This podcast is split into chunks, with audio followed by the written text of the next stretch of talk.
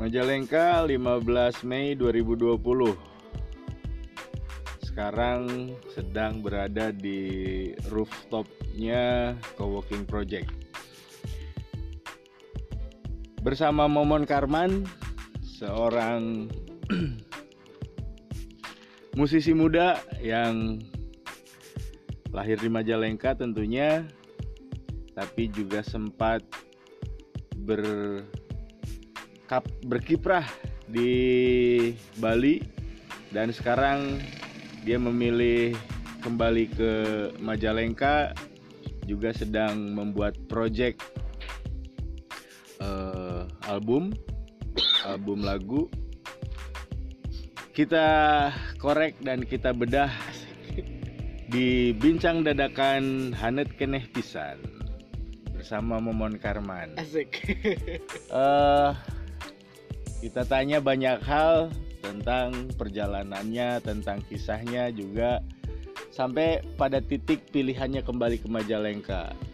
Mungkin diawali dari bisa flashback dari kenapa pilihannya memilih ke Majalengka lalu kemudian seberapa optimis untuk mampu struggle di dunia yang digelutinya dalam hal ini musik untuk kembali berkiprah di Majalengka. Momon Karman. Asik. Ya, terima kasih Om. Om, kenapa memilih kembali lagi ke Majalengka? Pertama adalah faktor yang menentukan Momon kembali adalah keluarga terutama. Hmm. Um, kedekatan uh, terhadap keluarga, terutama ketika uh, almarhum nenek waktu itu meninggal, tapi posisi Momon itu nggak bisa pulang sama sekali. Gitu itu membuat sebuah pukulan bagi Momon sendiri untuk uh, udahlah sekarang bagian uh, Momon untuk kembali lagi di Majalengka dekat dengan keluarga dekat dengan uh, sanak saudara dan uh, tentunya tetap berkarir di bidang musik dan di Majalengka hmm. gitu lalu uh, itu yang membuat chemistry kekeluargaan ya yang kemudian menarik momen kembali ke Majalengka. Iya, betul sekali. Uh, lantas tentu karena mungkin juga ada sesuatu yang dirasakan ketika apakah perasaan itu juga tidak terwakili atau tidak tertutupi uh, ketika momen di Bali atau seperti apa silahkan momen kemudian cerita di Bali kira-kira apa yang sudah digeluti di sana dan membawa referensi-referensi dan koleksi-koleksi gagasan apa yang yang mempengaruhi Bali terhadap Momon? Pengaruh Bali uh, sangat besar, animenya sangat besar sekali untuk uh, jejak karir Momon dan pola pikir juga terutama karena di sana sangat-sangat uh, luas dan bebas juga. Apa pun bisa ditepuk tanganin di sana. Ketika kita bermain musik, katakanlah musik ya, sangat-sangat gampang sekali untuk mendapatkan tepuk tama, tepuk tangan, tapi nggak semuanya yang tepuk tangan itu layak gitu. Cuman di sana juga kita bisa berpikir secara um, luas karena apa pun kita bisa lakukan. Beda dengan uh, di sini. Kadang kita itu ada sekat-sekat om. Hmm. Terutama momen adalah uh, seorang yang sangat suka musik etnik ketika Momon ingin uh, istilahnya membuat karya dengan etnik gitu ataupun kolaborasi dengan hal yang berbau etnik gitu selalu ada pakem-pakem yang membuat itu saling bertabrakan akhirnya berbenturan om hmm. oh kamu nggak boleh gini karena pakemnya begini oh kamu harusnya begini karena hmm. pakemnya begini hmm. selalu ada tembok-tembok itu yang kita tidak bisa loncati gitu di Majalengka ada tembok-tembok seperti itu ada om okay, ada okay. ada um, nah kalau di Bali bedanya adalah kita bisa melakukan apa pun gitu. entah uh, karya apa pun dan akan mendapatkan apresiasi apa pun itu um, untuk referensi-referensinya banyak sekali om uh, ketika melihat musik-musik uh, etnik yang berasal dari luar karena Bali adalah salah satu destinasi pariwisata internasional yang banyak sekali orang-orang uh, internasional datang di sana mereka membawa kebudayaan tapi nggak terlalu kebudayaan kebudayaan banget gitu. Jadi mereka juga masih uh, membaur lah istilahnya gitu. Um, dari segi tradisi dan juga modernnya. Dan mereka selalu memfusion itu om. Hmm. dan di situ men- mendapatkan inspirasi untuk membuat uh, ethnic fusion katakanlah seperti itu.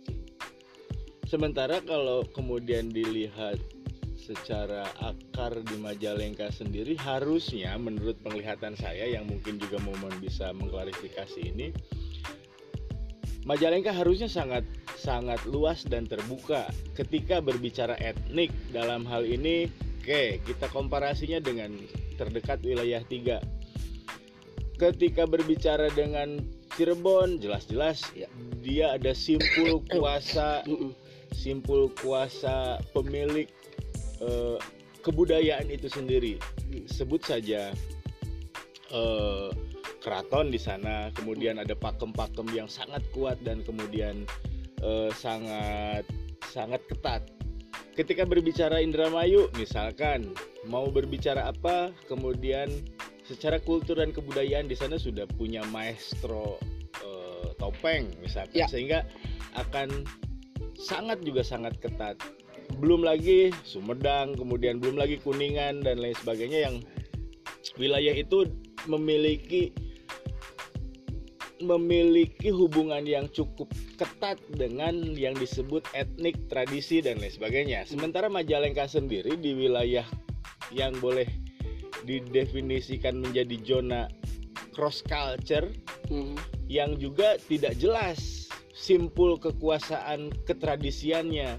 Justru di kita memiliki kultur wilayah dataran tinggi, Mhm. yang kemudian ada priangan di sana, kemudian ada pantura di sini juga. Justru bukankah sangat terbuka di Majalengka untuk eksplor banyak hal? Bisa dibilang bahwa Majalengka harusnya menjadi ruang kontemporer. harusnya seperti itu om cuman kita flashback lagi ke tracknya Momon kan di zaman SMA dulu kan, awal-awal Momon ingin berkiprah di eh, menuangkan karya di etnik itu eh, ketika itu kita bikin Karinding Cangkilung om Hmm. Eh, kita itu satu angkatannya sama Karinding Akar Awi yang di eh, daerah apa itu teh Karikolot Lewi Kidang, Lewi Kidang, ya. ya. ya Em, udah melakukan beberapa eh, kegiatan berkarya termasuk dengan bangsa Timagalu dulu terus eh, tiba-tiba ada momen di mana eh, kita ditanya gitu oh ini alat apa gitu karinding tuh nggak kayak gini waktu itu saya mainin karinding yang memang bukan dari bambu ya om ataupun bukan dari eh, pelepah daun eh, apa yang su- satunya itu adalah dari pelepah om Hmm. pelepah pohon aren Hmm, hmm. Nah, waktu itu Momon mainin karinding yang dari oh apa namanya? Perung eh bukan perunggu, tapi metal bahannya metal Hmm, gitu. Oke. Ya, kayak modern gitu. Dan kita dibilang gini, karinding tuh memang rootsnya adalah dari bambu dan pelepah itu. Hmm. Gak boleh mainin kayak gitu dan bla bla bla bla bla bla gitu kan. Ya saya saya agak heran aja dengan pola seperti itu ya mungkin eh, mungkin aja eh, dia memegang pakem yang kuat gitu Hmm. boleh gitu cuman untuk orang yang baru seperti Momon dan teman-teman yang lain alangkah lebih baiknya menggunakan kata yang lebih bijak daripada seperti itu. Karena akan membunuh secara perlahan menurut Momon gitu. Sama kasusnya ketika ada teman Momon yang berkarya tapi lewat sastra om. Hmm. bahkan ketika dia melakukan eh, peluncuran eh, karya sastranya jadi ada beberapa orang yang ngekat dia gitu. Kita nggak sebut nama tapi eh, orang tersebut bilang gini kan susah buat karya sastra tuh nggak semudah itu gitu. Hmm. ya kalau menurut Momon kalau sebuah karya kalau mau dikeluarin keluarin aja gitu Hmm. terlepas ada yang eh, gampang ataupun tidak itu kan balik lagi ke pribadi orang yang berkarya dong Hmm. dan terlepas ada peminatnya atau enggak ya itu mah balik lagi gitu Hmm. pasti ada aja yang suka dan pasti ada aja yang nggak suka Hmm. cuman ketika orang berkarya kenapa dihalang-halangi jangan kayak gitulah kalau menurut Momon Oh, jadi maksud pakem di sana adalah sebuah eh, sebuah eh, sebuah apa namanya itu ya? Berarti dinamika sosial Ya, dinamika terjadi sosial. ya, Ah. bukan, bukan dalam konteks pakem yang eh, apa namanya yang hierarkis Ya, kemudian betul. wow dan lain sebagainya. Nah, Mm. tapi kemudian ini menjadi menarik. Lalu kemudian kenapa Momon sendiri menanggalkan yang saya sendiri bahkan baru dengar ada karinding yang kemudian terbuat dari metal dan secara audio pun saya belum belum mendengarkan. Lalu kenapa pilihannya justru ditanggalkan? Kenapa tidak bertahan dengan dengan eh, keyakinan yang kemudian oke ini musik gua ya masa bodoh amat orang dan lain sebagainya masa bodoh eh pakem bahwa kemudian ini adalah gua gitu nah Iya iya iya. sampai mampu eh kenapa memilih untuk ditanggalkan atau belum untuk kemudian nanti kemudian digunakan kembali Oh, atau kalau menanggalkan sih tidak om. Oke. Ya, menanggalkan tidak.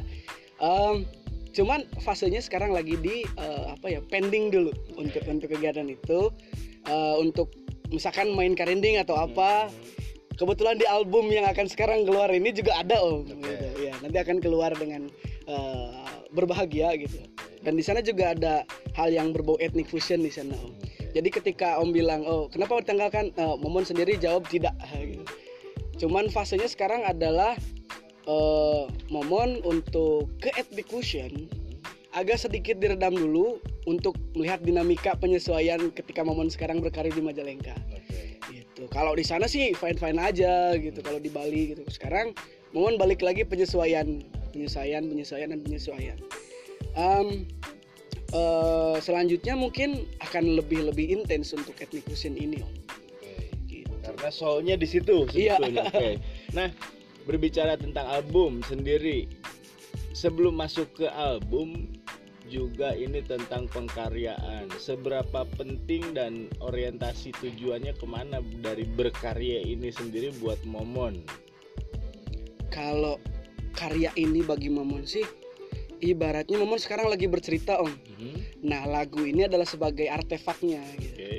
Dan karena sekarang zaman udah secanggih ini om, Mhm. Si artefak ini bisa dibuat seperti digital ya Mhm. kan di, di ditransform ke digital Mhm. dan kemungkinan siklusnya akan lama gitu om dan mungkin aja bisa didengarkan oleh anak cucu Momon nanti gitu. Mhm. Dan ini juga adalah sebuah fase hidup Momon dalam memberikan sebuah eh, doa kepada diri Momon pribadi Mhm. terus kepada orang-orang lain juga karena di karya Momon bukan hanya menceritakan pengalaman Momon sendiri tapi juga ada harapan-harapan Momon baik itu di masa lampau dibawa ke masa kini dan sekarang juga Oke. itu Jadi artefak, artefak artefak dari perjalanan hidup Momon. Iya. Karya itu. betul Sampai di situ, sampai hanya membuat artefak, ada tujuan lain dari proses berkarya ini. kalau tujuan lainnya kita balikin lagi kepada eh, semesta lagi om. Karena karya pasti ada yang mendengarkan Mhm. ataupun ada yang melihat atau ada yang menyukai ataupun ada tidak. Kita biarkan itu lahir dulu om. Ketika sudah lahir maka si karya itu akan menentukan jati dirinya sendiri menurut mama Uh, ketika ini akan berguna bagi orang banyak alhamdulillah ketika si karya ini akan uh, berbakti kepada orang yang melahirkannya ya alhamdulillah juga dalam artian seperti nom Uh, mungkin dari karya ini Momon bisa melanjutkan karir ataupun karena Momon memilih jalur ini sebagai pilihan hidup maka pilihan ini akan membawa kebaikan bagi kehidupan Momon sendiri. Amin seperti itu om. Oke, bahwa setiap karya membawa jodohnya masing-masing. Iya. Sebagaimana juga, sebagaimana se- juga eh, kita secara individu membawa jodohnya masing-masing. Jadi biarkan saja dulu lahir pesannya dari karya ini, lalu kemudian mari kita lihat aksi dan reaksi yang terjadi berarti Iya. seperti itu. betul om Oke, lalu kemudian masuk ke dalam albumnya itu sendiri. Ada berapa lagu dan lagu apa aja dan cerita apa aja di sana? Nah, untuk lagunya sendiri eh, ada 10 lagu dan eh, kata produser Momon yang hamba Allah ini ada yang single pertama itu Momon ngeluarin single Om. Nah, mau dimasukin juga ke album ini untuk dipublish secara digital. Gitu karena dulu yang single ini eh, dipublishnya secara digital juga cuma belum sampai banyak di upload di beberapa platform. Jadi cuma platformnya itu ada YouTube, video klipnya ada, terus di Spotify, tapi akunnya adalah akunnya Teh Rena Umide. terus satunya adalah di uh, akunnya Momon tapi di SoundCloud. SoundCloud. Ya jadi tiga platform nggak. Jadi 11 lagu ini gitu. Oke. Kalau judul-judul lagunya sih eh, kita ngobrolin sekarang deh. Oke.